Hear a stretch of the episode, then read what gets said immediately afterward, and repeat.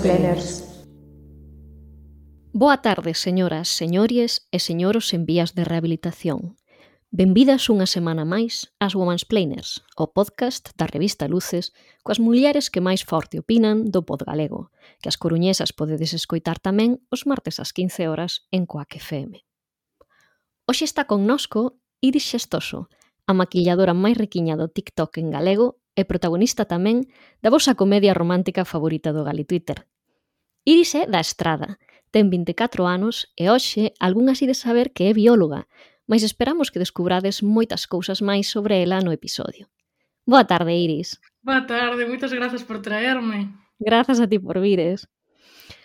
Tamén está connosco a Sara cunha dose extra de carisma gótico e aura arrepiante, porque estamos a gravar no Serán do Samaín. Ola, Sara, pasachelo ben nesa festa de onte?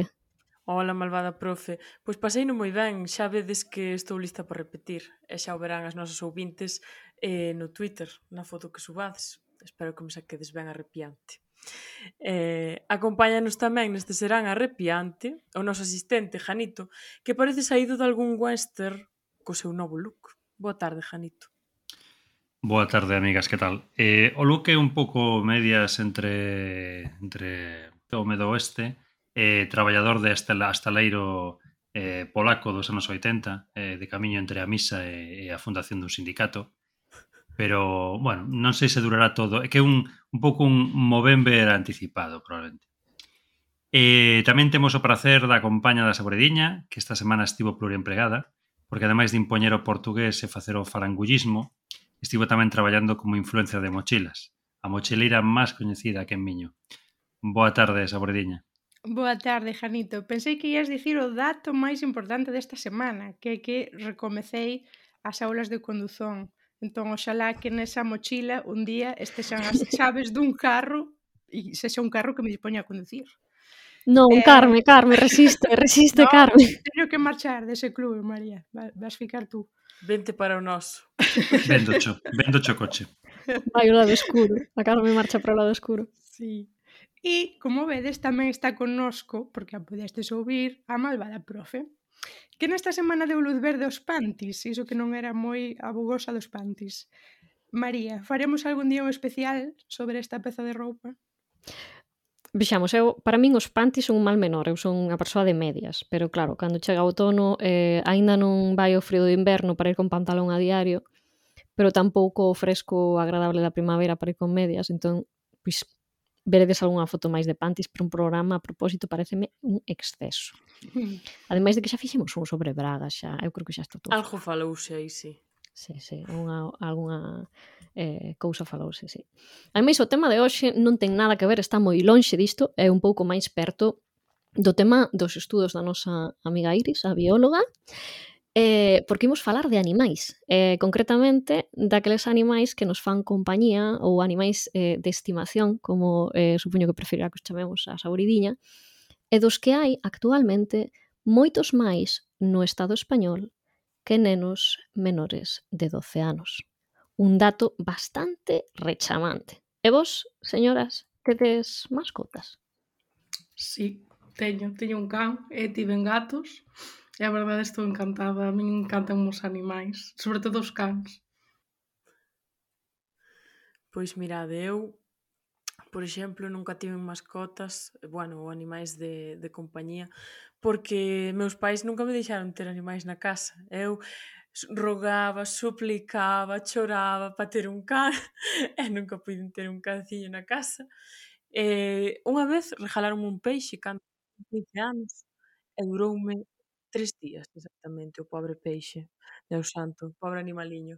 Eh, creo que o empachei sen querer. Entón, eh, non sei, as plantas morrenme todas, os animais mm, vese que os peixes tampouco son o meu, son un desastre. Non vexen mascotas presto, preto de min. Ainda que me encantan, por outra parte. Favoritiña, algún animal de estimación? Eu tiven, tiven animais de estimación, tiven pois, as típicas cousas que non incomodarían moito o mundo dos adultos, porque como a Sara tamén imploraba, uf, quería ter con todas as miñas forzas un gato ou un can, e a miña nai dicía, bu, si realmente cedo nisto, ao final, voltamos ao tema dos cuidados, os cuidados van, evidentemente, recaer sobre min e ser multiplicados os meus traballos como nai. Entón, só tiven eh, pois canarios, mm, peixes como os de Sara, só que a min duraronme moito, até os tempos da universidade. Teño orgullo de que me duraron moitísimo porque ia mm, todos os, non, non tiña un acuario, tiños así como nunha especie de vaso grande. Un augadoiro. E ia todos os días de Padrón al Estrobe a andar para coller agua da fonte e trocar esa agua. E tiven tamén Galápagos, pero xa digo, despois cando entrei na universidade xa morreran aqueles peixes e decidí non renovar porque como pasaba mm, tempos en compos e tempos en padrón non me parecía moi responsable andar por aí nun tren cos, cos peixes, os pobres peixes. E despois, na miña época en Lisboa, sí que convivín con, con dous gatos. E aí dixen, ai, pois tal vez ese desexo de ter gatos xa se ve aquí colmado. Eran dous gatos que que se recolleran da rúa e deran bastante traballiño. Pero iso, despois tamén marchei de Lisboa e os gatos pois estaban ali nun piso con outras persoas, continuaron con esas con esas persoas. Magda, profe, ti tes por aí alguma, alguma mascote ou... Pois, ollade, eu non teño, eh, e ademais penso que tive moi poucas na miña vida. Mm, entre outros motivos porque sempre vivín de alquiler. É dicir, non somente vivo agora, nun piso de alugueiro, senón que xa de nena eh, o piso onde vivía tampouco era da miña familia, nos pagábamos un aluguer. Entón, eh, a miña única experiencia así con animais da casa eh, foi na aldea, que ali sí que tivemos eh, tive unha tartaruga, tive un gato, e despois tivemos un par de cans. Pero, eh, sí, como se teñen os cans e os gatos na aldea, é dicir, fora da casa, sen convivir moito con eles e, e o gato que sí que cando foi máis pecrachiño sí que o, claro, necesitaba máis cuidados o levábamos para o piso en Vigo pero despois nada, quedou a, a vivir na aldea tamén. E hoxe en día o dito, eu levo pois 20 anos agora fora da casa de meus pais tamén a, a vivir de aluguer e, e adoita ser que é algo que podemos do que podemos falar despois e que podemos discutir unha cláusula dos contratos eh, que eu teño asinado ao longo da miña vida que non se permite ter mascotas nos edificios, de ningún tipo, nin gatos, nin cans, nin nada. Os cans es, eh, so, bueno, si adoitan estar especialmente ou expresamente prohibidos, ou, sí, porque dan especialmente eh, a lata, polo que parece ser Janito. E vinte antes moi ben acompañado, eh, supoñemos que non necesitas máis animais de compañía. Pois eu loito contra a estatística primeiro imposto pola miña nai que non deixaba que tiveramos mascotes na casa non quería que tiveramos eu sempre quixen ter un can nunca puiden. Pero bueno, xa hai anos, hai xa anos que non, non o quero ter, porque non quero ter a escravitude, a escravitude de, de, de estar pendente do can. E eu loito contra a estatística porque eu teño un neno, unha nena, bueno, un fillo, unha filla, xa non son, son tan nenos, e entón, bueno, mm, contrabalanceo aí o, a, a propensión a, da xente a ter, a ter animais de, de máis estimación na casa. Pero eles non che insisten en ter? Non, non, están... Eh, eh, a ver, a miña parella eh, tampouco quere animais, nin quere nin, nin, nin, nin os imos ter, porque non quere nin ela nin eu. Eh, temos nenos moi ben, moi ben leccionados nese, nese aspecto. E, en outros tamén. Eu sería máis brando e ela é máis dura. Eh, hai ás veces tamén, non sei se no caso de algunha de vos afecta, motivos de saúde para non para non termos animais na casa. Non, non é o meu caso, pero, por exemplo, o meu padrastro sí que é alérxico e o meu hermanastro pequeno tamén. Eu non podo ter gatos na casa. Agora mesmo sei, no, porque teño eu teño alerxia aos, aos ácaros e tal, e ter e, e teño alerxia aos, aos gatos. Os gatos cas non, pero os gatos mm. sí. Provócame alerxia. E tamén hai hai tamén motivos de saúde para si os ter, que me corrixa Sara, sí. que é a nosa enfermeira no ramo da psiquiatría, porque eu sei que xente que ten propensión á depresión eh, sí que lle aconsellan ter un can porque é algo que te obriga a polo menos todos os días ter un motivo para sair da casa. Sí, ademais hai animais de terapia tamén que se utilizan moito, por exemplo, os cabalos, eh, hai os terapias burriños. con golfinos incluso, eh, con cans tamén. Eh, nese sentido sí que axudan moito estes animais a xente con distintas patoloxías de saúde mental. E hai un momento eu nomeaba esta, esta estatística, igual que a Carme, que tamén estaba a pensar en cans, porque son un pouco o animal de compañía por, por excelencia, non? E, e, e o dito, no Estado español xa hai máis fogares con cans, ou, perdón, xa hai máis cans en fogares que, que menores de, de 12 anos. Pero eh, unha, unha pregunta que vos quería formular é mm, por que pensades que hai algúns animais que consideramos aptos para seren animais de compañía ou de estimación e outros que non percibimos así? E que animais pensades vos que son aptos para iso, cales non? E até que punto ten hai mm, motivos obxectivos para clasificalos así e eh, até que punto son cousas cerradas, culturais, prexuizos, lendas? Para min, personalmente, eh, bueno, por defecto da miña formación asocio a que os animais de, de compañía son animais de compañía por motivos evolutivos. Pola circunstancia que sexa nun punto de evolución, tanto humana como do animal, pois eh, conviulle a ambas as dúas especies pois unirse e unha especie podíase beneficiar de outra. entonces iso fixo que moitos animais, por aptitudes que lle podían aportar aos humanos e viceversa, coevolucionaran connosco e lle tuveramos como máis cariño ou así. E aparte tamén a perspectiva de animais de compañía para min penso que cambia moito dependendo da cultura que estes considerando. Pois sí, eu concordo contigo, Iris. Eh, é unha cousa que eu penso que é cultural, pero a pesar de ser cultural, creo que é bastante xeral a, a nivel global. Supoño que polo que ti mencionabas de, da evolución do uh -huh. ser humano como especie, non? Eh, sempre hai xente que se sai da norma, evidentemente. A min, por exemplo, uh -huh eu que sei, as serpes, pois non me parecen animais de, de compaña ou de estimación, pero hai xente que ten serpes ou réptiles así en xeral, é como algo que me chama máis a atención, non? Pois que a ti pegaba, che, de... Sara, ter aí Verdad, que dúas, dúas boas serpes dark. Unha serpe así blanca ou, ou sí. porque negras non sei se hai, senón. A min pegasme cunha tarántula. Unha tarántula. En plan, unha tarántula grande, peluda. Que levo hoxe. o make-up de tarántula.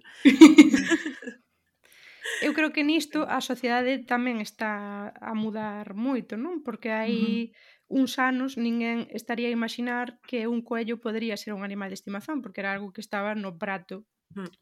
eh, iso non sei, por exemplo, se eu lle dixese hoxe a miña nai que teño como animal de estimación un coello, claro, coello é un dos pratos que ela fai no Natal, é o seu punto forte do, do Natal, non, non, non creo que chegase a, a entender moi ben o, o tema. Eu, neste eh, respecto disto, quería preguntarlle a, a Iris, porque Iris é vegetariana, uh -huh. entón eu imagino que ti tes reflexionado precisamente máis que a nós sobre este tema, non? Eu, por exemplo, pois no caso dos coellos, dame moita mágoa, igual que, porque son moi curriños, pero é a carne máis deliciosa que hai para min. Eh, pásame algo, a, vamos, algo semellante cos, cos, cos polvos. Oxe, por exemplo, come min polvo a grella con, con grelos. Eu sei que os polvos son uns animais inteligentísimos, pero se si renunciase por completo a comer carne, eh, seguiría comendo polvo eh, se me deixasen, com deixasen comer só un tipo de carne, creo que quedaría coa de coello. Non é mm. especialmente saudable un hombre moi saborosa. E ti como, ti como tes vivido iso, non? A relación cos, cos animais, animais para alimentarnos, animais para acompañarnos? non sei, o sea, realmente eh, a miña perspectiva é eh, máis dende o punto de vista ecolóxico, non? Porque eu coñezo que a gandaría é a principal fonte de contaminación.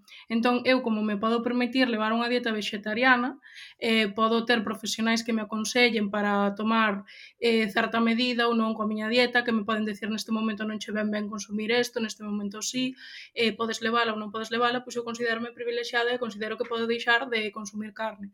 A parte eu tamén son unha persoa pois que nota moitísima empatía en canto aos animais, non? Entón, quizáis, eu pois como que os antropo antropo, non me sai a palabra, antropoformiz, antro antropomorfizo. que os Exacto, eu quizáis o millor pois pola miña educación ou por calquera cousa humanizos máis que outras persoas do, do meu carón. Entón, pois por iso, quizáis eu me encontro máis cómoda levando unha dieta vegetariana. Pero eu penso que depende moito, pois, evidentemente, da, da túa educación e de que te podes permitir ou non. Porque en canto á dieta vegetariana tamén é moi discutible polo feito de que é unha dieta privilexiada. Porque ti tens que poder ter acceso a profesionais que te, que che xuxiran se estás nun momento de saúde bo para tomar esta decisión ou non, porque ao fin e ao cabo é a dieta óptima é a dieta que máis recolle de todos os grupos da pirámide alimentaria. Entón, eu poñome que para países menos desarrollados ou onde hai máis pobreza ou para niveis socioeconómicos incluso máis baixos levar unha dieta vegetariana é insostible xa eh, quitando todo o rasgo da humanización dos animais. Entón, pois, por moita pena que che dean, ou simplemente por gustos, porque é dicir, se a ti che gusta moito a carne, queres consumir un tipo de carne, pois eh, se che preocupa o punto de vista ético ou te sintes máis incómoda por iso, pois intentas consumir esa carne que sexa obtida da forma máis ética posible. Janito, eh, tiñas unha levantada tamén para falar? Simplemente comentar que se vai empezar a mesturar o tema de ter o coello como animal de estimación vai facer como cos animais, cos cans que hai xente que lle pon número aos cans. Sul, sul 2, sul 3 pois os pobres coellos iban ter un número, bueno. Sí, bueno, números, que... números anuais, iba a seguir os anos en función dos coellos E que ademais eh, vivimos, claro, vivimos nunha cultura en que até hai non tanto tempo non era un tabú acabar comendo o que fora un animal de compañía. Né? Mm. Vou buscar unha anécdota da miña familia. Eu non sei até que punto canto hai de, de real e canto hai de lenda. O mellorito canto hai de real e canto hai da miña bisavo a tomarlle o pelo a toda a familia. Se non transcurriu no, no, no Camposanto de Iria, é eh, todo lenda. Obvio. En, en Iria todo é posible. Eh, no Camposanto de Iria todo é posible. Fora dali non sabemos. porque sí, porque na, na, en Ponteulla non hai non hai bispos, non hai bispos sepultados. Primeiro conto que a, a familia da miña eh, da miña avoa na, na, bueno, e do meu avó en realidad as dúas proveñen dali de, de Ponteulla, non? E, e pois na casa tiñan como como habían todas as casas antes unha cociña de ferro unha desas bilbaínas, non? En esas cociñas, pois cociñábanse moitas cousas. E, entre outras, pois as empanadas nos días nos días de festa, ou nos días en que se facían empanadas e máis. E, en aquela casa había, pois como adoitaba ver en case todas as casas para, para matar ratos e ratas, eh, algún gato, tamén había algún can. Eh, e os gatos, como sabe todo o mundo que tratou con algún, gustalles bastante a calor. Entón, tenden a chegarse as lareiras, as chemineas e, por suposto, tamén as cociñas de ferro. Bueno, con tanto chiste que cando a, a que o gatiño este, que ademais había de ser escuro, como eran, como eran negras tamén as, as cociñas de ferro, cando sentiu que estaban ali xa a facer algo de lume e aquilo comezaba a estar algo morno, meteuse no forno. Con tan mala sorte que despois, cando a bisaboa foi meter a empanada no forno, acabou cosendo o gato tamén. E, bueno, o conto que naquel día na casa, na, na festa eh, familiar ou o que fose, era un día, supoño unha festa de gardar ou algo así, comeron todos empanada, e ao acabar o día, ou acabar a, a, a comida, a bisavó contoulles que, que sen querer que acabara cosendo o gato. E que estando xa o gato cocido, dixera, pois, haberá que facer outra empanada, porque total xa está morto, Eh, e esa é a historia que se conta na miña familia do que fixo a miña bisaboa. Non sabemos canto pode haber de broma no asunto, é dicir, que o gato morreu no forno, iso é, é, é con certeza, vamos, seguro, porque non, non volveron saber del, pero non sabemos se realmente se desfixo o gato ou se efectivamente o meteu nunha empanada. Queda aí o misterio. Sara. Pobre gato. Pero bueno, ao final, falando de animais que se comen ou animais que non se comen ou que culturalmente está máis asumido que se coman ou que non se coman, eh, un veciño meu é algo que me chama moitísimo a atención, poderosamente. Come, bueno, supoño que non de forma habitual, come raposo, que eu quedei en plan, wow, raposo. É algo como moi inconcebible, non? Que se coma, non sei por qué. Quizáis é porque o consideramos como un animal depredador e non vemos que se xa viable comelo ou así. Pero sobre o que reflexionaba antes Iris eh, respecto a como concibimos os animais, eh, por que decidimos facernos vegetarianos ou non, etc. Eu creo que moita xente, ou polo menos eu, convivo cas miñas incongruencias ou cas miñas incoherencias, é dicir, eu como carne, bueno, levo unha dieta omnívora, pero por outra parte, eh, gustame moito os animais tamén, e non me gusta nada o sofrimento animal, e, bueno, procuro consumir produtos eh, de animais criados en condicións eh, boas e que levasen unha vida boa, pero Claro, eu moitas veces digo, pero se ti tiveses que matar ese animal para comelo faríalo, e penso, e creo que non sería capaz, non? Pero bueno, aí convivo cas miñas incoherencias e asumoas, que remedio. As Woman's Planers, un podcast da revista Luces, explicando cousas desde 2021. Non sei quen iba para falar, saboridiña, creo que os ti. Sí, pois non sei se me pasou un pouco a vez porque ia un pouco en relación ao que contou eh, María eh, pero así tamén explicamos a frase de que che deron gato por lebre porque a miña nai sempre comentaba que na, a miña nai e meu pai son nenos da posguerra entón tiveron que obviamente comer pombos, gatos e moitas cousas porque non había que comer eh, explicoume que o motivo de moitas veces vermos na carnizaría eh, a cabeza non? ou o coello inteiro coa cabeza aínda intacta é porque tradicionalmente tivose moitísima desconfianza a que na carnicería houvese gatos. Entón, o coello mostrábase coa cabeciña e as patiñas para que a xente identificase ben ese, ese produto. Eu durante bastantes anos estiven así moi obsesionada con certos tabús eh, religiosos con, con comida, pois eh, a dieta kosher, por exemplo, ou porque os musulmanos non comen porco, porque a vaca é sagrada na India e todo iso. Eh, un verán tamén chegou a min por recomendación de un amigo meu un libro que tamén cambiou bastante a miña visión do mundo e das culturas que se chama eh, Good to Eat que é de Marvin Harris. Entón, fala de todos estes tabús e como todos estes tabús que hoxe consideramos realmente religión, eh, non o son, senón que teñen un, unha raíz fondamente histórica, pois, por exemplo, toda a conservación kosher, toda a cultura kosher do xudaísmo, o que é, no fondo, é unha maneira de conservar os alimentos para quen era un pastor do Medio Oriente, por exemplo. Pois aquilo tiña eh, todo o sentido mm, é que non, non quero meter a pata agora pois imaginade, non guardar o leite coa, coa, coa carne, por exemplo iso tiña un sentido a nivel de, de conservación eh, pois co calor que fai no deserto, etc, etc. Oxe, Contaminación cruzada e cousas sí, desas. claro, claro. Oxe, eh, oxe serían entendidas como unha serie de normas de higiene para que manipula alimentos, por exemplo, como se fixésemos de unhas eh, regras de manipulación de alimentos unha relixión. No? Eh, no sentido da vaca na India, pois tamén era algo así, e o porco na cultura musulmana, pois tamén foi algo relacionado coa triquinose que transmitían os sí. porcos, seguro que Iris sabe moitísimo mellor.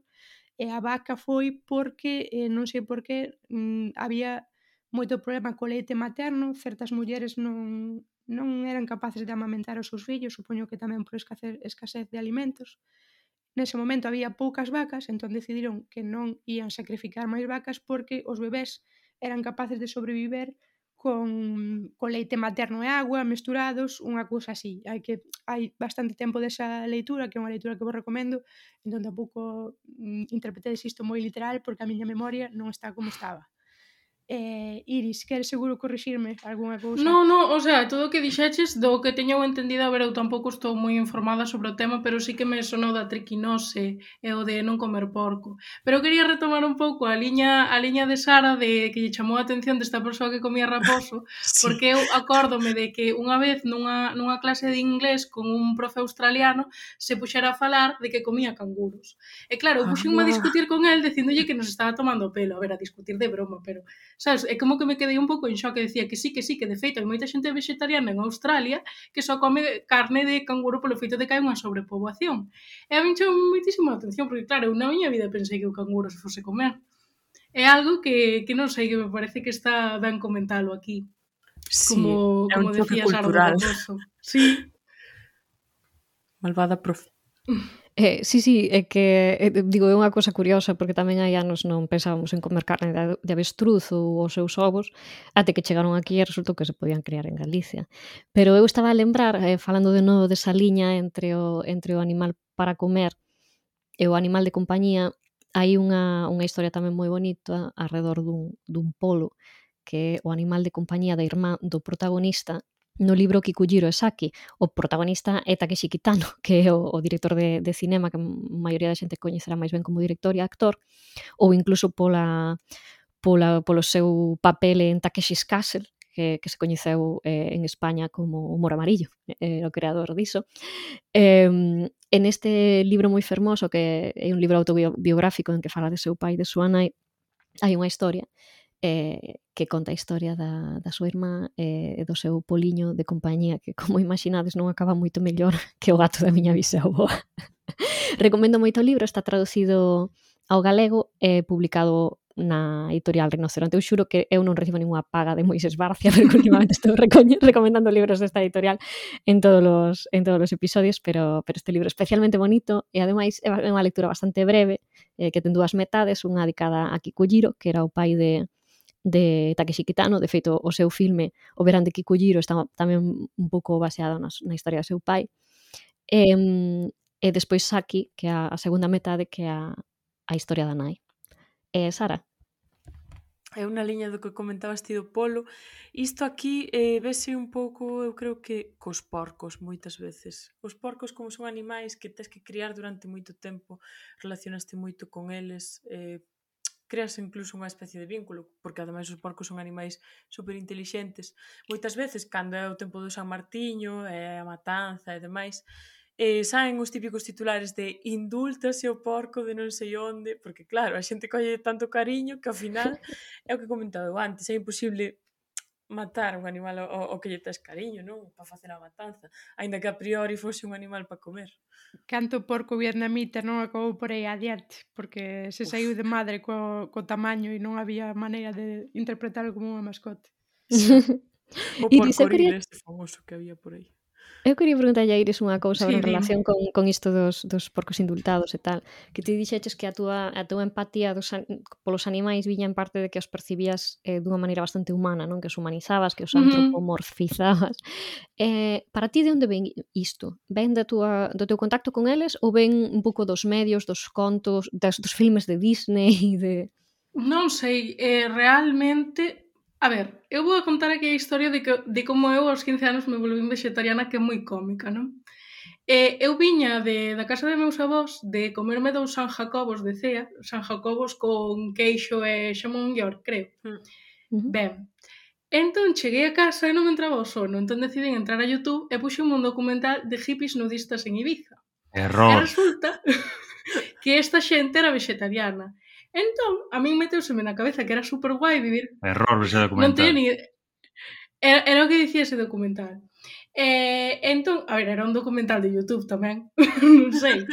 Pero dixen oh, eu, pois que guai sería. E eh, a partir de aí é como que de repente a mañá seguinte me despertei e dixen a miña nai vou ser vegetariana e digo, miña nai non vas a aguantar pois si, sí, aguantei hasta casi 10 anos non?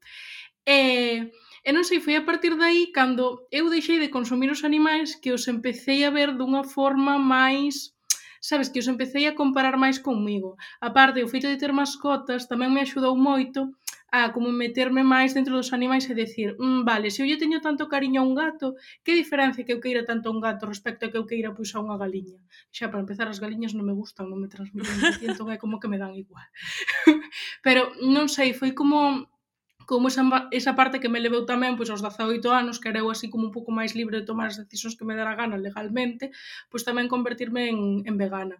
Pero despois entendín que tampouco tes que, eu que sei, mm, a min gustame moito o queixo, entón xa estuve en cinco anos sen comer queixo, pois quero volver a comer o queixo. Era un pouco o que che decía antes, María, que se realmente pois a ti che gusta moi, moito o coello ou moito o pulpo, eh, che preocupa o benestar animal, pois ti eh, consumes colle ou pulpo pois matado da forma máis ética posible, así moi entrecomillado, eso como que che axuda un pouco a sentirte mellor.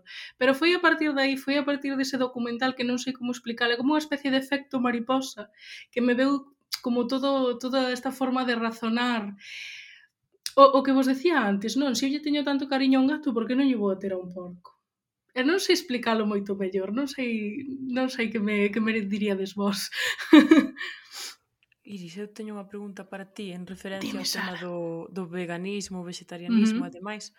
Eh, ti crees que hai un nesgo de xénero? Porque eu aprecio moito, quero dicir, eh, eh, coñezo, polo menos eu a nivel persoal, a moitas máis mulleres vegetarianas e veganas. Calma. Eu penso que sí, eu penso que sí, pero é porque as mulleres, eh, sobre todo as mulleres cis, se nos cría non con esta perspectiva de maior vulnerabilidade. E coa, igual ten que ver ca empatía tamén, non sei que opinas. Exacto. É que eu penso que, sabes, como se nos ten, como se nos ve así quizáis como figuras máis fráxiles, é como que nos comezamos a asumir este rol de, de sabes, teño que ser mai, máis empático cos demais, é o que dis ti. Eu penso que igual vai un pouco por aí, pero bueno, eu coñecementos de psicología os xustos. Malvada, profe. Sí, eu quería, eh, de feito, formular outra pregunta respecto a isto mesmo, non da relación eh, demasiado humana ás veces cos, cos animais. A vos que tipo de sentimentos ou de reacción vos provocan eh, as mulleres, digo mulleres porque é máis habitual que sexan mulleres que un di, que, que se presentan como hola, son eh, paca e eh, son a mamá de dous gatiños. Saboridiña.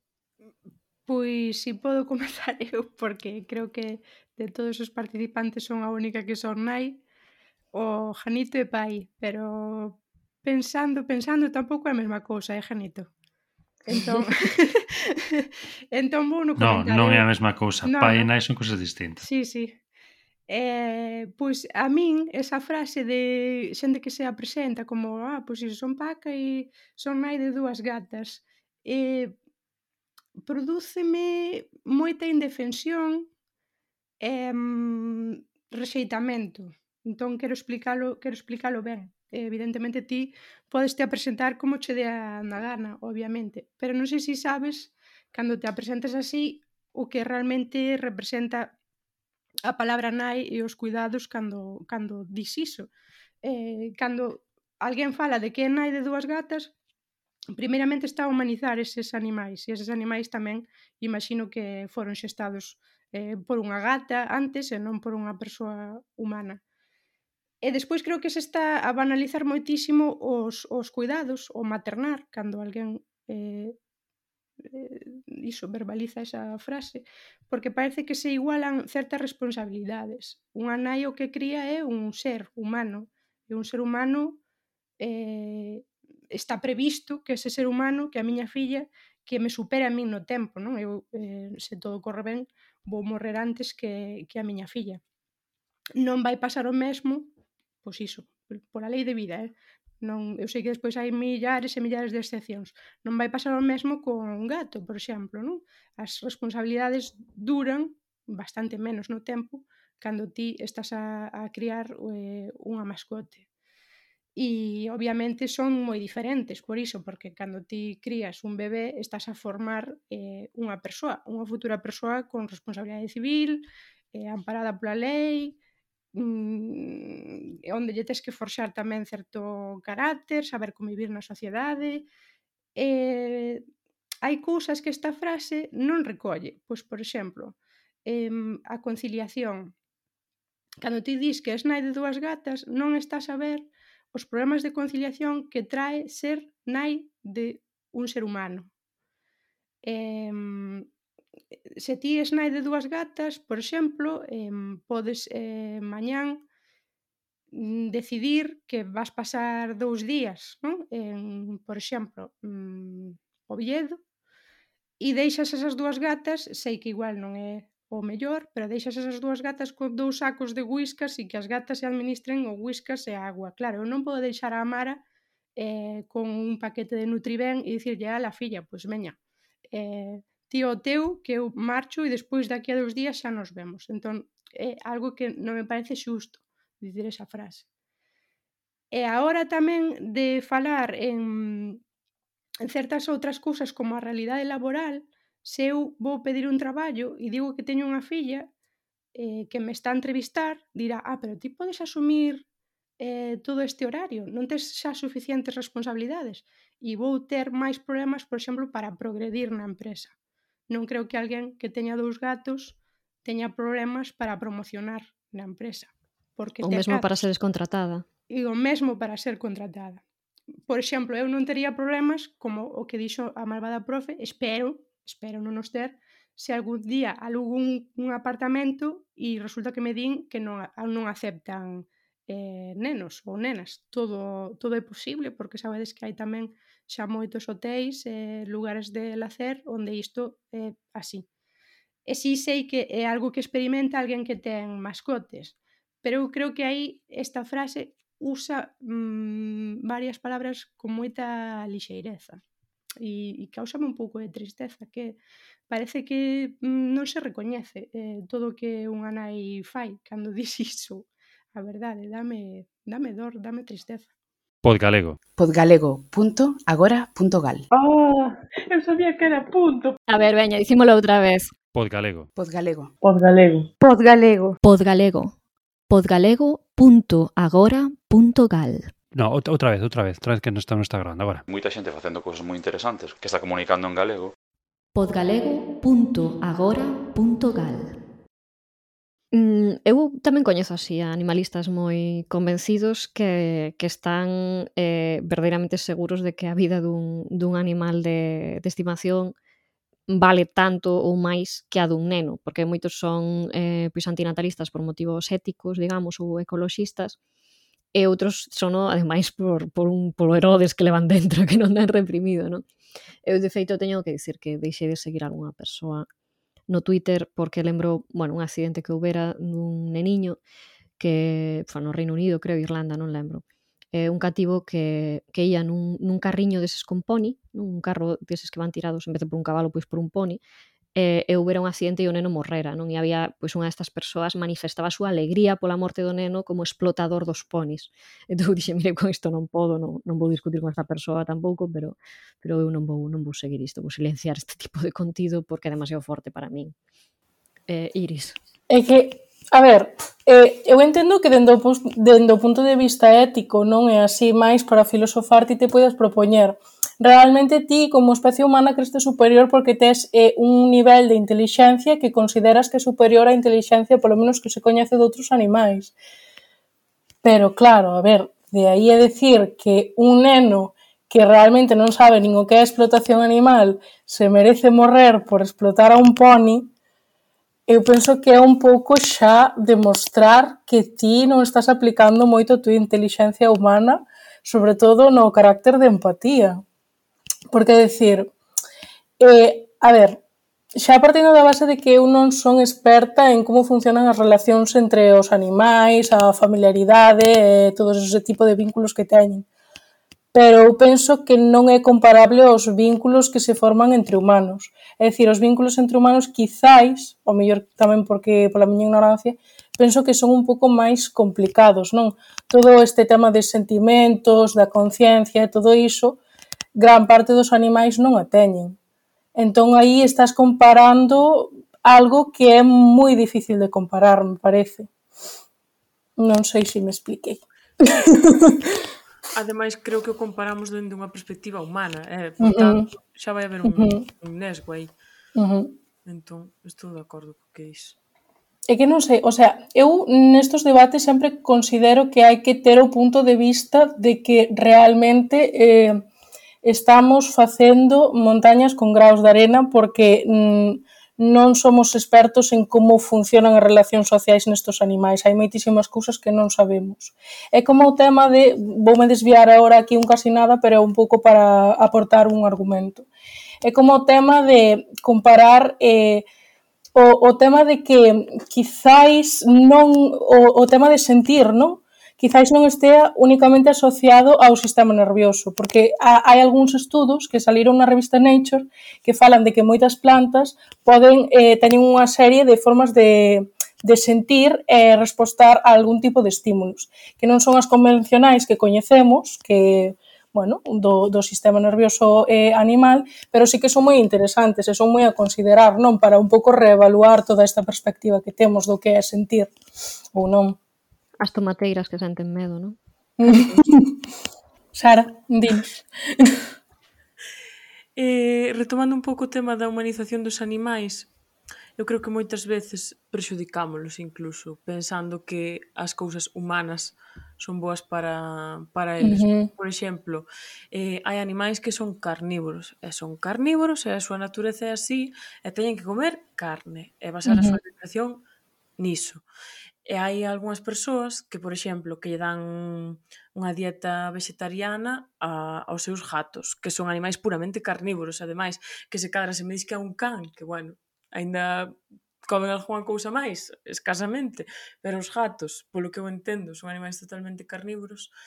Eh, non sei, mm, ás veces chegar ata eses puntos tan extremistas acaba prexudicando aos propios animais. Ademais, non entendo por que temos unha autoestima tan elevada como para pensar que as nosas movidas van ser o mellor para un animal, cando os animais teñen que ser animais e teñen que facer as súas cousas e vivir eh, como animais, evidentemente cunha calidade de vida boa e, e sana, e ben cuidados e todo iso, pero mira, ao mellor non fai falta que lle poñas chalecos ou que os vistas ou que lles des de comer algo que non lles corresponde non o sei, non sei que os parece a vós.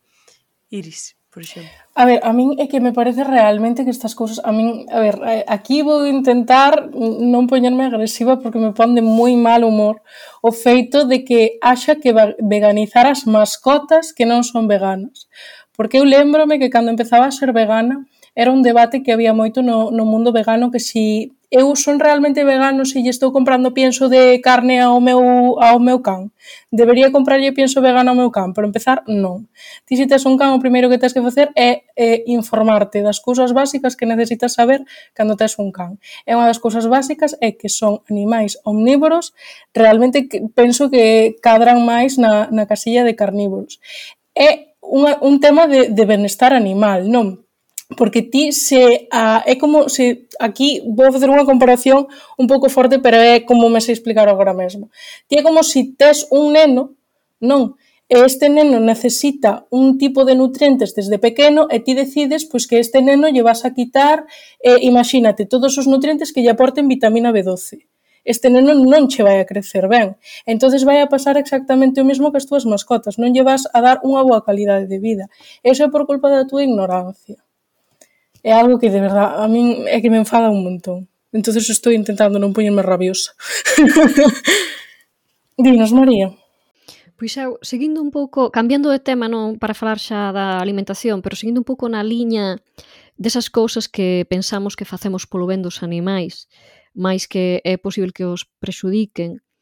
Mm, quería preguntarvos se pensades que é ético ter animais grandes, como por, por exemplo, pois cans pastores, pensade nun pastor alemán, eh, non digo xa pois huskies siberianos ou, ou este xénero de, de cans, nos pisos das cidades, porque hoxe en día... De cuntis. É verdade que é verdade que o 50% da, da máis do 50% da poboación vive vive en cidades. E vivir en cidades normalmente significa vivir en pisos. En pisos que, que xa nos parecen case gaiolas mm, polo seu tamaño para, para os seres humanos que, que estamos afeitos a eles. Um, e a idea, a min, personalmente, a idea de, de ter cans grandes, incluso cans pequenos, se me apuras, pero tamén precisan certa, non sei, movimento, certo certo espazo para, para se moveren, mm, é algo que non me, non me fai sentir cómoda. É dicir, a min gustame moitos cans, non me desgustaría nada ter un, se, o sea, gustame moitos cans, é exagerado, gustame moito algúns cans. E a idea de ter un can non me desgustaría se tivese unha casa moi grande, cunha finca moi grande, e, e ves un can ali que tivese un, unha razón de ser e unha vida positiva. Iris. Eh, a ver, Eu creo que eso tamén depende moito de, de que ti a hora de que, imagínate, eu que sei, queres ter un pastor alemán e tes un piso de tantos metros cuadrados. Eu penso que o primeiro que deberías considerar aí é un pouco com, como se comporta xeralmente esta raza. É unha raza máis sedentaria, menos sedentaria, tende máis a ter ansiedade, menos, eh, necesita máis actividade, necesita menos. Eh, todas esas cousas son mm, moi valorables para considerar. Entón, eu penso que o primeiro de todo para cando vayas a ter unha mascota nun, nun lugar tan pequeno, tan reducido, eh, bueno, é cando vayas a ter en calquer outro lado, pero especialmente aquí que tes, bueno, pois estes condicionantes. O primeiro que tes que facer é informarte, entón, ir a, a un profesional, mesmo un veterinario, e dicir, mira, eu quero ter un can e teño vivo baixo estas circunstancias, ti recomendas non, non me recomendas? Ou este tipo de can viviría ben na miña casa ou non viviría ben? Todo iso para garantizar que teña a vida máis cómoda posible. Porque, é dicir, ti se tes un gato, os gatos non tenden a facer moito deporte. As cousas como son. Entón, se tes un gato nun piso... se tes un gato nun piso, igual non é tan complicado como se tes un labrador, non? Porque, por exemplo, teño un labrador e eh, son cans moi hiperactivos e tes que andar detrás deles eh, constantemente, gustalles moito xogar. Entón, eu non me imagino o meu can vivindo nun piso, o sea, levaría a vida máis triste do mundo. Entón, por iso, eu penso que depende moito do, do comportamento do, do animal. Claro, eh, eh vexamos, eu dixen agora pastor alemán porque adianto que non sei absolutamente nada de razas de cans e, e foi un nome que me veu, que me veu así a cabeza, súame que, que Rex o, o can policía é un pastor alemán, pero, sí, pero un pouco máis sei. Alemán. Sí, bueno, ali chamanse en Alemanha, na Alemanha chamanse simplemente cans, cans pastores. Vou facer a consulta a peli de tarde. Eh, e claro, eh, realmente eu, por exemplo, se quixese ter un can nunha finca, o que iría sería ir a canseira para, para adoptar un. Uh Uh -huh. Entón, claro, os cans que hai ali, pois eh, primeiro a raza daríame absolutamente igual porque Exacto. moitos son misturados, entón uh -huh. non podes, ás veces moitas veces tampouco podes adiantarte cal vai ser uh -huh. o seu o seu comportamento, non que que outro outro problema do asunto, que que os cans no no centro das cidades non son os pisos, senón tamén nas rúas crean problemas de convivencia con veciños que teñen outros cans ou que non os teñen. Disto pode repetir, de feito, eh, a, o seu relato sobre o que lle aconteceu a semana pasada a Sauridiña. Quizáis teñas algo que opinar sobre os donos dos cans. Eu xo dixen outro día, espero que hoxe teñan un herpes. Se non teñen un herpes, creo que o karma pff, é un lixo de teoría. Porque estou un pouco farta de ir coa nena a parques e, e, e ter que explicarlle a nena pouco menos que un parque un campo minado. Se realmente levas a pasear un can a un parque infantil, que mínimo que recollas as deposicións do teu can, porque sabes que ali van xogar nenos pequenos. Entón, a semana pasada foi tremendo, porque é a segunda vez que me pasa, é dicir, fun idiota perdida porque non o revisei e estou cunha paranoia de revisar as solas dos zapatos da nena, non o revisei Larguei do, do parque rapidamente, metín a nena na mochila canguro, estiven todo o camiño dicindolle a nena, fixeches co cómara? No. Fixeches co cómara? No. A nena tiña aí xa un rollo de por que me estás culpando deste cheiro que non son eu. E cheguei a casa, mirei a sola, e aí estaba o cocó de can, que claro, xa me tiña manchado a mochila canguro, os zapatos da nena, as miñas calzas, Mm, en fin, non, non vou describir máis porque imagino que imaginades a situación, obviamente. Pero é algo que, eh, como apunta a malvada profe, é algo que é real. Se ao final tes un animal, terás que ter unha responsabilidade sobre ese animal que tes. Eh, pasar a, para documentar este mm, este episodio un link a Amores Perros, que é un programa de comando actualidade de TV un E aí xa dicían que, por exemplo, no, no bairro de... Pois penso que era Malasaña, había moito problema co cocó de can, pero comezaba a ser un super problema o xixi de can, porque, claro, aí máis ou menos había certa educación para recoller nun saco plástico o cocó e bla, bla, bla, pero nunca ninguén tiña pensado que acontece sobre, por exemplo, un edificio onde o día mm, mixan eh, 15 grams. Pois ao final, con todos eses ácidos dos, mm, da, da, da orina, as fachadas deses edificios tamén se estaban vendo comprometidas. E aí tivo que o Concello sacar como unha especie de regulamento para que a xente pasease o seu can con a saco plástico para as, os dexectos sólidos e unha garrafiña de agua con non sei que produto para que unha vez fixesen xixi, botarlle esa agua con ese produto e que ese xixi fose máis eh, leve no seu presuizo a esa serie de fachadas.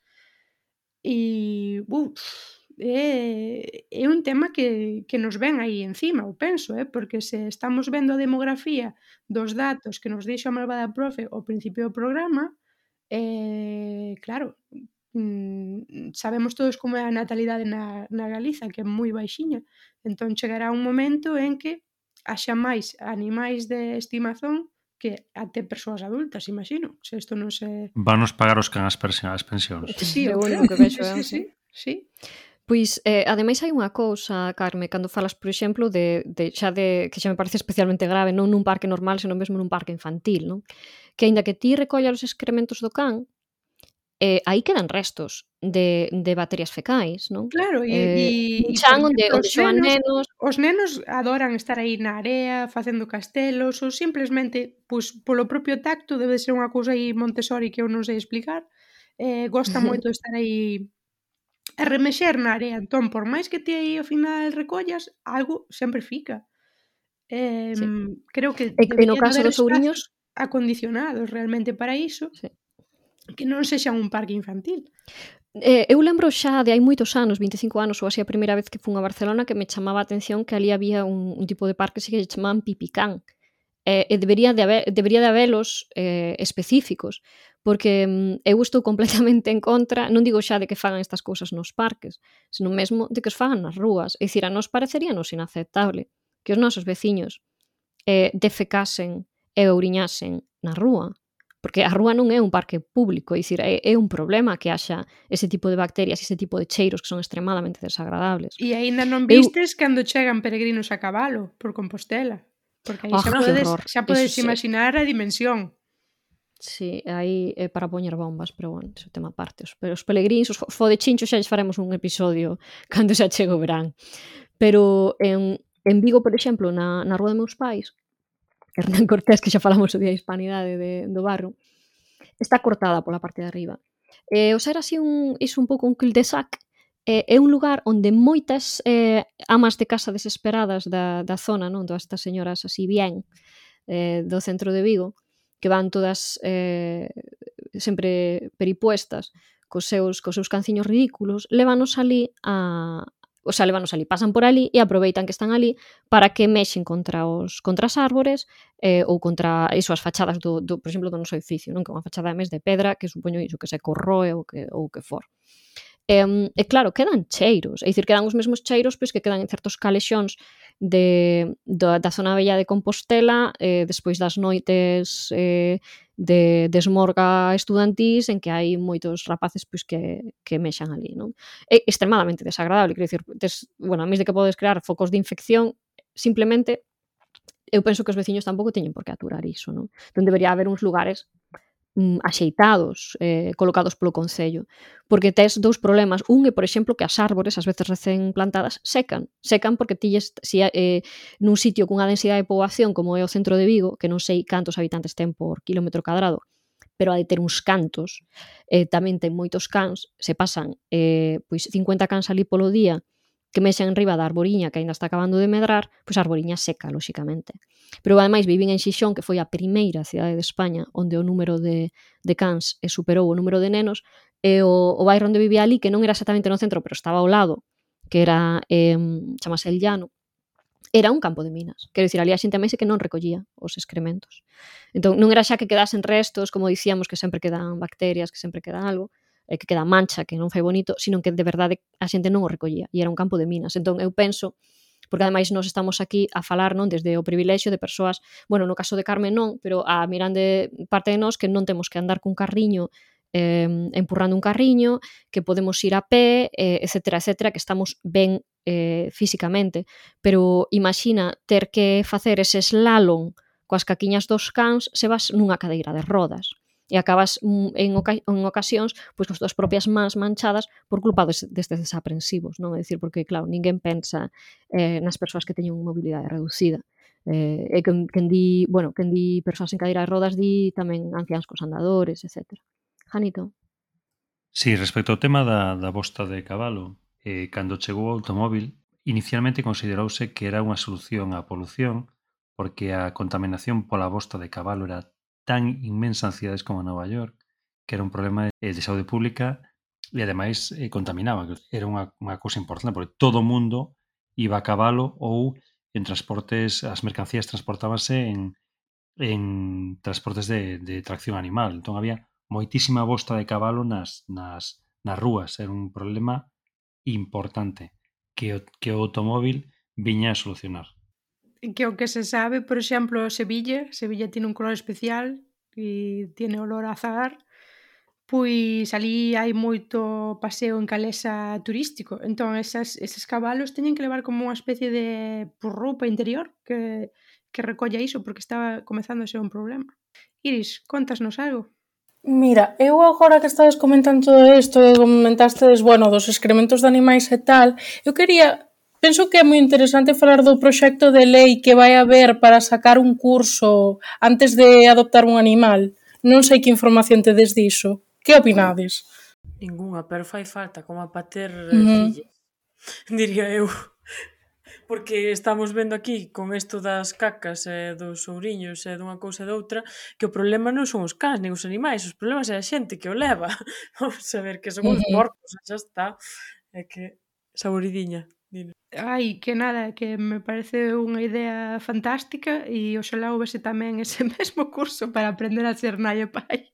Uh eh, que fai tamén falta ao final eh, moita xente tampouco sabe ter fillos así como non sabe ter animais Eh, bueno, teño unha pregunta. Vos pensades que, quizáis, sobre todo ti, Sabrediña, que, que tes unha nena pequena, eh, vos pensades que quizáis eh, ten que ver eh, como eduques ao teu fillo, é dicir, a educación que lle das ao teu fillo coa educación que lle das aos animais, é dicir, se és unha persona que non educa ben aos teus animais, é posible que tamén sexas unha persona que non eduque ben aos teus fillos.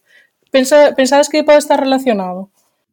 Pois aí xa non che sei, porque en casos así familiares que é onde eu me remonto un pouco para ver isto, Uh, é moi complicado eh, velo porque sí que teño xente que ten fillos e cans ou fillos e cans e gatos ou fillos e gatos e moitas veces a mascota é como a consentida da casa e dinche, mm. esta é a xefa da casa e non, non pasa con que eh, os seus fillos sexan pois, malcriados nin, nin nada disso. Uh -huh. Incluso os fillos di, mira, pois todo o que lle consiente a, non sei, Trotsky, eh, non, non, non, non pasaba a nós. E sí que, pois aí non o sei, eh? creo que, que é, é diferente. Creo que son tamén, sabes que, que vos quero dicir? Por exemplo, moita xente que eu coñezo na miña familia, hai algún que ou un perfil que é o seguinte. Eh, sempre tivemos cans, gatos e tamén fillos. Entón convivimos. Uh -huh. E despois hai outro perfil que é o máis numeroso que é este. Xa temos os fillos criados, sentimos un pouco o niño vacío necesitamos dar amor a outro ser. Non vamos ter outro niño, uh -huh. xa non estamos no tempo. Entón aí é cando teñen esas mascotes e aí é cando se produce un pouco ese desnivel de idades porque xa os fillos están moi criados, son adultos, teñen a súa vida, voltan á casa e din, ui, mamá, pero ti non nos consentías, eu que sei, deixar a manta no sofá toda así enjurriñada e agora chegamos e o campo de facelo. Uh -huh. E sí que levan esa, esa entre aspas, crianza da mascote o extremo de pois poñolle un abrigo, fagolle unha festa de aniversario, empaquetolle eh, presentes polo Día de Reis. Eh, nun dos casos eh, podo até mm, xustificalo porque, mm, bueno, pois é unha prima miña que eh, tiña dous fillos, un deles desapareceu no mar, era mariñeiro, desapareceu no mar, entón creo que é un pois é un luito, non? Que realmente non se levou ben, non se puido concluir porque a día de hoxe, por exemplo, mañán non teríamos onde colocar as flores porque o cadáver nunca nunca apareceu e, e é unha persoa que sempre mm, lle gustaron moitísimos animais e ten unha casa de campo. Entón, ten unha relación tiña que esta persoa xa morreu moi moi especial cos animais. Incluso eh, esta persoa a miña tía Rosa que xa falei dela eh, no outro programa ela morreu pero tiña, por exemplo, un, un marcapasos, entón eh, pois convivía con gatos e, e cans e o can avisou cando ela comezou a estar mal do corazón, é dicir, desmaiou na cociña e comezou a avisar antes de que, de que lle ia pasar. Non? Entón, eh, gardou sempre unha relación moi especial con aquel can, porque digamos que o can velou pola, pola súa saúde e estaba aí un pouco pois o pé do cañón con ela, che, conseguiu avisar, avisar os veciños e tamén foi así cando lle fallou o marcapasos, que despois levou o marcapasos. E, e eu creo que sí, que claro, os, os animais sí que realmente podes ter un vínculo con eles eh, especialísimo e eles entenden moitísimo, teñen unha capacidade de de entender porque se conviven contigo todos os días e eu convivo coa miña filla, a miña filla mm, creo que di 30 palabras, non, non di moitas máis porque non ten idade pero mm, mirolle a cara e aínda que non fale, é tan expresiva que consigo saber eh, se está ben, se está mal, se está cansada, consigo adiviñar moitísimas cousas, pois cando, canto menos xente que como a Tiris, por exemplo, vive con un can, imagino que tes esta relación con el tamén, que uh -huh. es capaz de adiviñar, pois, quere xogar ou mm, estas cousas. Uh -huh. Eu penso que tamén, bueno, un pouco aquí retomando o tema do principio da domesticación, Eu penso que é moi importante para os animais que nos xeran máis empatía a súa expresión facial, porque vos se nos fixades, se vos fixades nos cans, os cans eh, teñen unhas expresións faciales que se asemellan moito ás dos humanos. Eu penso que iso é unha das principais razóns que nos xera eh, semellante empatía, que tamén é verdad que estas expresións faciais eh, se xeraron a medida da evolución, a medida que o can evolucionaba do lobo, pero que eu penso que é como un, un feito, non? O feito de vernos nós reflexados con eles que os consideremos pois máis semellantes a nós. Dinos, María. Pois falando de, volvendo un pouco ao tema da, da educación ou a mala educación eh, das, dos animais, Quería que falásemos desas, eh, deses cans, ou quizáis sobre todo desas razas de cans, que son especialmente difíciles de educar, ou que ás veces se educan, pero a propia bioloxía acaba superando eh, os intentos humanos de, de adestralos que son eses cans que agora se chaman pois de razas potencialmente perigosas. Eh, e quería falar disto polo seguinte, estive a buscar estatísticas, hai moitos ataques destes cans, pero eh, quizáis o, o importante, o, o rechamante, é que eh, entre 2010 e 2019 morreron 20 persoas, é dicir, dous falecementos so ano, por ataques de cans, e a mirande parte deles eran pertencían a estas razas potencialmente perigosas. Desas 20 persoas, 13 eran menores, non é difícil eh, entender por qué. Claro, eh, para unha persoa adulta é máis máis doado safarse, eh, botar a correr ou protexerse de algunha maneira ou sobrevivir ao ataque que para que para un, un meniño ou unha meniña que que pois rapidamente é destrozado, non, por es, por estes cans. Eh, Iris, que, que nos querías contar? A, a ver, eh, para min o das razas potencialmente peligrosas é un tema un pouco complicado, polo feito, a ver, eu son unha persoa que convivi moitos anos con outra persoa que, que tiña un pitbull, que é un can de raza potencialmente peligrosa. Eu vin este can en moitas circunstancias. Si é certo, era unha cadela, por certo, era unha cadela moi cariñosa, cos da casa, pero coa xente de fora da casa, era un pouco máis non arisca nin agresiva, pero non era tan dócil, que por unha banda pode ser normal, pero por outra banda tamén pode xerar un pouco de desconfianza e inseguridade, sobre todo porque son estes cans que teñen esta capacidade e esta forza, pois que é máis difícil controlalo. Pero eu penso que realmente no da raza potencialmente perigosa o perigo en sí non está no can, senón en que son cans que teñen necesidades especiais á hora de criarse. Eu penso que aí é onde reside que necesitamos unha maior concienciación para estos cans. E para min eu considero que para estos cans non sería suficiente terte que sacar o permiso, porque é un psicotécnico, vas aí, dixe que está todo xenial, que eres capaz de, de ir con todo, como vas cando vas facer o do coche, e o psicólogo si te ve ben, dixe, pois xenial, aquí tes o teu psicotécnico. Pero eu penso que con estos cans necesitas un pasiño máis. Sara? Nada, eu un pouco máis teño que engadir que a ti, eh, concordo contigo, Iris, que ao final eh, estes cans non son un problema, o problema son os seres humanos que hai detrás, non? Eh, depende como os eduques, evidentemente. Ti se a un can, a calquera can, o educas para que se ven alguén de fora ataque, eh, vai no facer, é que dá igual que sea, non sei, un chihuahua. De feito, a min dame máis medo moitas veces os chihuahuas que están aí super rabiosos e que parece que che van morder a mínima que os cans grandes tipo pastor alemán, golden retriever e así, que parecen moito máis tranquilos, non, non sei. Ao final, mm, vai no ambiente no que se cría ese animal e no que se ensina ese animal. Aquí nas aldeas hai moita costume de ter o típico pastor alemán ou cruce de pastor alemán con outro tipo de can eh, nas portas dos, dos pallales ou das cuadras ou así para que non entre ninguén eh, ademais, algo moi feo que eses animais normalmente están amarrados por unha cadea aínda por riba entón, ti se te chejas ali é que ese can vai che morder. Pero non é culpa do pobre can non sei se me explico. Eh, saboridiña. E nada, jo, pois eh, isto que comenta Sara de cans amarrados así durante horas eh, por unha cadea eh, eh, párteme o, o corazón. E recentemente teño visto algo así entre os meus veciños, entón se alguén me está escoitando, posiblemente un día chame a, um, algunha asociación que se faga cargo destes animais, porque me parece que non están ben tratados. non me parece de lógica ter un animal tanto tempo así amarrado. E despois, polo que comentaba Iris, pois eu tiña entendido, igual estou enganadísima, ou igual só pasa na Comunidade de Madrid, que foi eh, o que se dicía en Comando Actualidade, que había unha especie de rexistro de persoas propietarias deste tipo de, de cans. Eh, como que iso, que, que se recollían datos, non? Entón, eh, había a quen pedirlle responsabilidades, digamos, despois se había calquer ataque ou, ou cousa do tipo.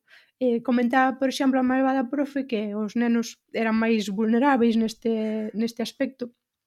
Meus avós, por exemplo, meus avós maternos non tiñan un can así de raza potencialmente agresiva nin nada, pero a miña aboa materna, que supoño que o que dixen ao principio de que a miña nai nunca me deixou ter can porque ela asumía que era ela a quen ia ter que cuidar despois, era unha medio verdade, porque a miña avoa, é dicir, a súa nai, mmm, terminou de morrer polo ataque dun can. É dicir, ela, a miña avoa morreu realmente de cancro de, de colon avanzado, pero foi atacada por un can que tiña na casa. Entón xa estaba máis ou menos nas últimas, isto foi o que a terminou de rematar.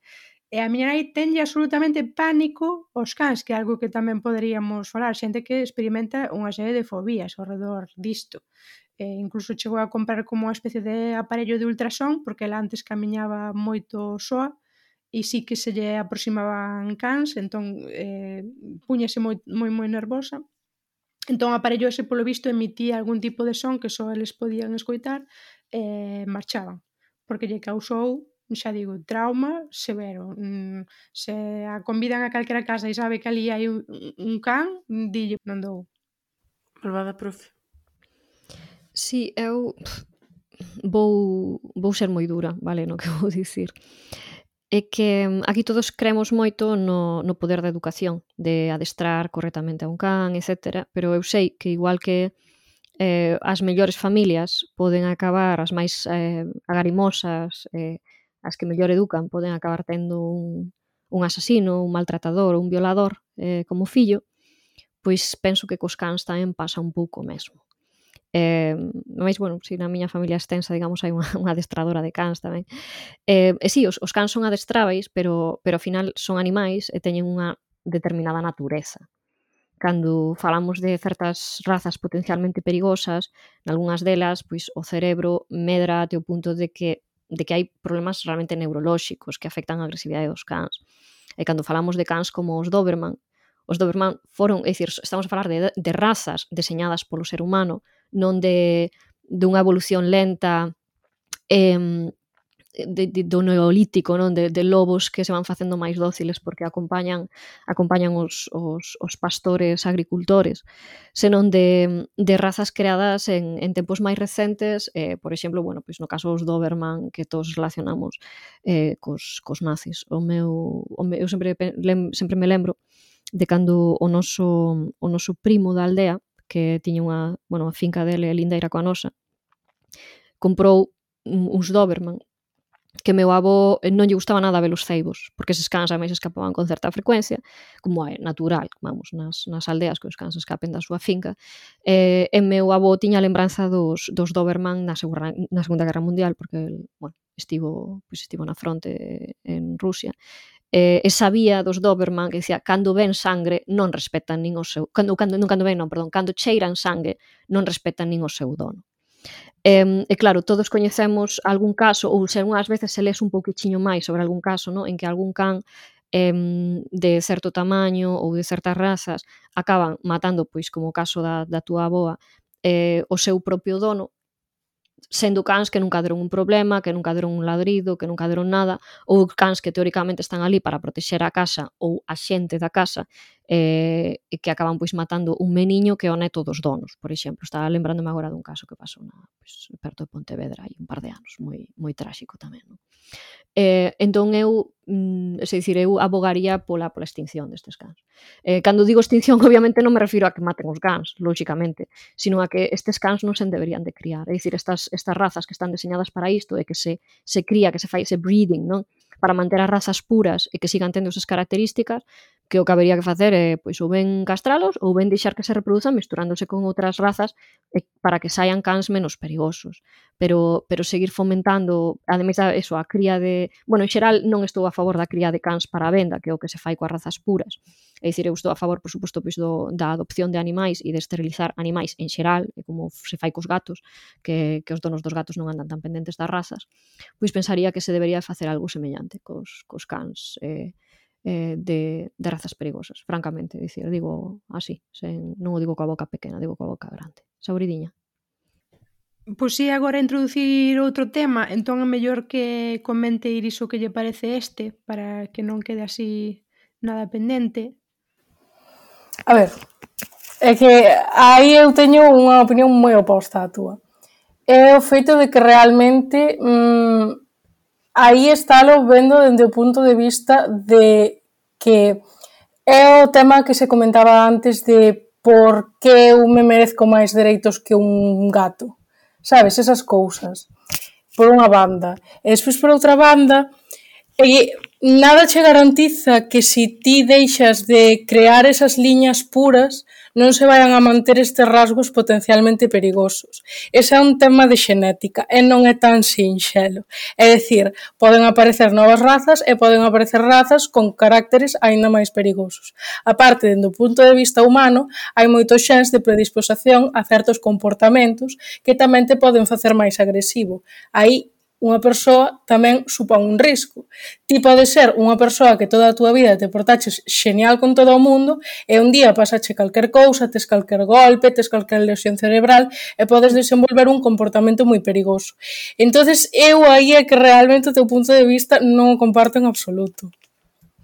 Pois eu é que, bueno, quizáis houve unha cousa que non se entendeu, que, é dicir, o meu problema é cos criadores de cans en xeral, non somente os destas razas, eh? É dicir, a min pareceme que criar cans é, é un problema en sí mesmo. É dicir, cando hai moitos cans xa no mundo, o que tens que facer é iso, fomentar pois a adopción dos cans que existen e non crear eh, igual que, bueno, cando falamos, igual que cando falamos, e que de feito igual que cando falamos de humanos. É dicir, igual que non me parece ben a, a salvando as distancias, por suposto, que un tema moito máis serio, vale? Pero a xestación subrogada, eh, creo que o que hai que facer é, é darlle familias aos nenos que xa están aí, pois tampouco me parece ben crear supercans ou superrazas de cans e que haxa xente lucrándose, que esta é a palabra clave, non? Non digo que, ai, mira, que a túa cadera quedou eh, preñada e tal, sino que hai xente que está lucrándose e dunha maneira que tampouco é necesariamente eh, respetando os, eh, digamos, a, a, os procesos naturais dos, dos cans ou os seus tempos, eh, a costa de, iso, bueno, de, de, de fomentar o, o bueno, o, sí, o gusto por este, por este tipo de razas. En, e despois eh, que, que bueno, as, as protectoras animais, de feito, eh, cando ti vas a adotar un gato, o primeiro que che piden é, o sea, dicir, os gatos esterilízanse. Ti tes que, para adotar un gato, tes que esterilizalo. Eh, porque precisamente pois, a superpoboación de, de cans ou de gatos acaba sendo un problema para os animais que xa existen. Eh, porque teñen, pois, acaban tendo pois, problemas de saúde, abandono, o abandono de mascotas, se queredes podemos falar ao final tamén, eh, etc. Non? Entón, eh, eu penso iso, que os que, primeiro que os que os cans eh, non hai que mercalos, que hai que adoptalos, e segundo que hai que habería que esterilizalos en xeral. Eh, até que resolvamos o problema que temos agora, non exclusivamente estes cans de raza perigosa. Eh, e despois, por suposto, eu non teño absolutamente nin idea de xenética. Eh, simplemente estaba dando por feito, pois que, bueno, todos coñecemos algún can que é fillo de eh, X raza, X raza, e que, e que bueno, pois non, non conservas eh, certas características, claro. Pero, pero o que está claro é que canto máis puras son, máis eh, quero dicir máis eh, ah, como se di, eh, hai, hai maior problema non de, de doenzas conxénitas, etcétera, porque, bueno, hai máis endogamia, quero dicir, eh, falaba o diso, ata, ata aí chegan os meus coñecementos. As Women's Planers, un podcast da revista Luces, explicando cousas desde 2021. Pois estaba tamén antes falando Sara con Iris de certo viés de xénero en relación a, a alimentación, o veganismo, o vegetarianismo. E eu encontrei outro porque sabedes que xa me definín como fan do Simpson e no Simpson hai unha personaxe secundaria bastante recorrente que é a hmm. tola dos gatos. Hmm. E eu quería que falásemos un pouco dela desa figura porque ao final daste conta que tampouco hai un tolo dos gatos. Eh, vedes que a sociedade castiga as mulleres solteiras que viven con animais que é como un índice de fracaso iso? Iris, que nos contas? Eu penso que realmente se asocia que as mulleres eh, se pensa que non deben saber vivir soas, non? Entonces teñen que como encontrar un sustituto de afecto. É dicir, a, a falta de, de, de fillos non requeriría como que adquiriras unha mascota como o teu plan B. A mí iso pareceme evidentemente moi misóxeno. É dicir, pensar que a muller ten a necesidade de ter a alguén que cuidar. Sara, que ti que ibas a decir? Totalmente. Ademais, o estereotipo este da señora dos gatos é algo que está superasentado e non se ve que un home solteiro maior sexa xulgado da mesma forma. Quero dicir, incluso se pode ver como alguén exitoso ou a típica persoa, o sea, o típico home de negocios maior, en plan sugar daddy. Iso, ah, pois a muller é a tola dos gatos, e xa está. É que misoxinia pura. Malvada profe.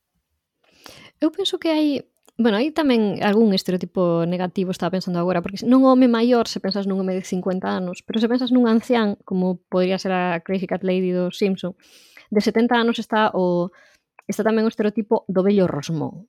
Digamos, o vello rosmón que vive só porque quedou viúvo ou divorciouse moi novo ou nunca casou ou os seus fillos xa pasan del porque non aturan porque é un vello rosmón, ás veces alcohólico eh, eh, que cheira mal e tal, tamén está un pouco ese, ese estereotipo. Pero sí que é certo que que o, o asunto dos gatos, presentar os gatos como sustitutos de, sí, de, de afecto, non? Que decía Iris, ás veces tamén pola idea que non concibe algunha xente, sobre algunha xente maior, de que haxa mulleres que non teñen instinto maternal.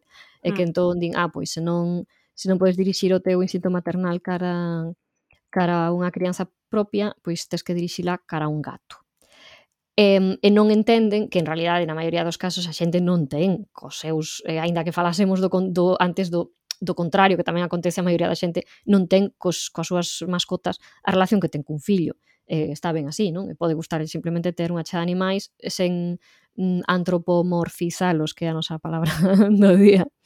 Eu creo que, ademais, digo como muller solteira de que, que se achega aos 40 anos, mm, eu non percibo necesariamente esa cousa esa cousa negativa xa como había eu antes cando eu era adolescente, quizáis, non? Bueno, e mesmo cando eu era adolescente, non? A ver, Alec McGill, eh, falando de abogada solteira, que aquí un, tamén un rollo recorrente, eh, era, xa era un, bastante unha icona. E noto moito en que eu teño un alumnado que por diferentes eh, motivos eu penso que son máis conservadores que os rapaces medios da súa idade, vale, por, bueno, por temas sociais, culturais, etc. E que pola contra, eh, a min me perciben como unha tía como como forte independente e super molona. que non molona de que lles caia ben, que iso non, non necesariamente, pero xa teñen dito algunha vez así cousas como, admir, como admirables, como, oh, jo, que guai, entón non tes claro, non tes un marido, entón podes viaxar, podes facer o que queiras, podes ir pola noite, e ninguén eh, che vai dicir nada, ou, ou ah, non tes fillos, entón tes todo o teu salario para ti, para gastar, en que o gastas, tal. E pregúntanse esas cousas, porque no fondo em, esa idea do, si do home solteiro exitoso por ser eh, por ser máis libre, por ter máis liberdade, tamén está, bueno, cada vez máis tamén tra eh, trasladado ás mulleres. Por suposto, haberá nenos ou nenas a quen lles sorprenda que non teñas fillos nen plans de, nin plans de telos, pero de rapaces que nunca o esperarías, eh, por, por os seus propios plans de vida, que che din, pois eu quero casar con 18 anos e ter 4 fillos, despois tamén che din, ah, pois, non, o teu plan tamén mola, non? O, seu, o teu plan tamén está bastante ben como plan de vida e non necesitas, non tampouco che preguntan polos gatos, nin nada, eh? no, no meu caso non. E ti, Sauridiña, tiveches algún motivo, algún momento así un espírito interno de, de tola dos gatos?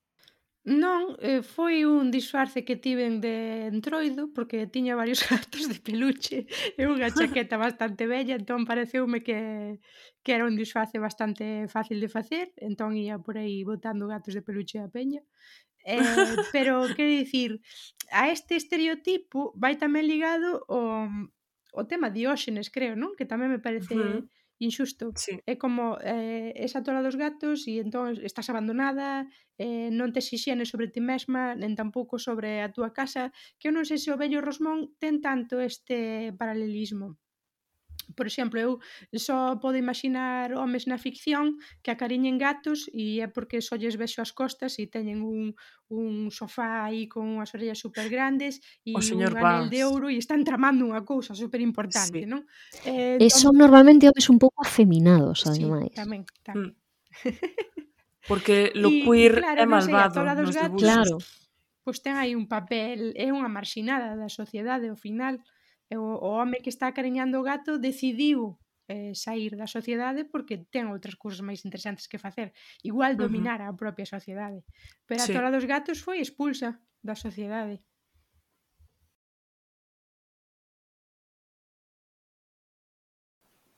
Pois entón damos por concluídos os temas por hoxe, quen sabe se teremos un especial de mascotes 2 que xa estades vendo que agora facemos episodios extensos e o Janito pobre ten que andar corta, corta e deseña outro programa. Entón, queremos dar un obrigado obrigada enormísimo a Iris, esperamos que esta non sexa a primeira e última vez que veñas porque queremos recibirte máis veces. Obrigada Iris. Grazas a vos por traerme. E até a próxima semana, Janito. Ata a próxima semana. Grazas, amigas, grazas por estar aí. Eh, que despedida máis chunga. Bueno, despois o edito. Até a próxima semana, malvada profe. Boa noite. Até a próxima semana, Sara. Até a próxima semana. E para que nos está a escoitar, lembrade tres cousas. A primeira, que continuamos a ter o noso Curious Cat completamente aberto e estamos sedentas, ansiosas de consultas. Despois, que isto non sei se o dixemos, creo que non o dixemos, pero non sei se sabedes que somos un podcast da revista Luces. E que tamén nos podedes escoitar en Quack FM todas as terzas, que para que non sabe que día terza son os martes, ás 15 horas. E así sen máis, tamén me despido eu. Até a próxima semana, xente. Beixiños grandes. Adeus. Adeus. Vivamos nosas bullas.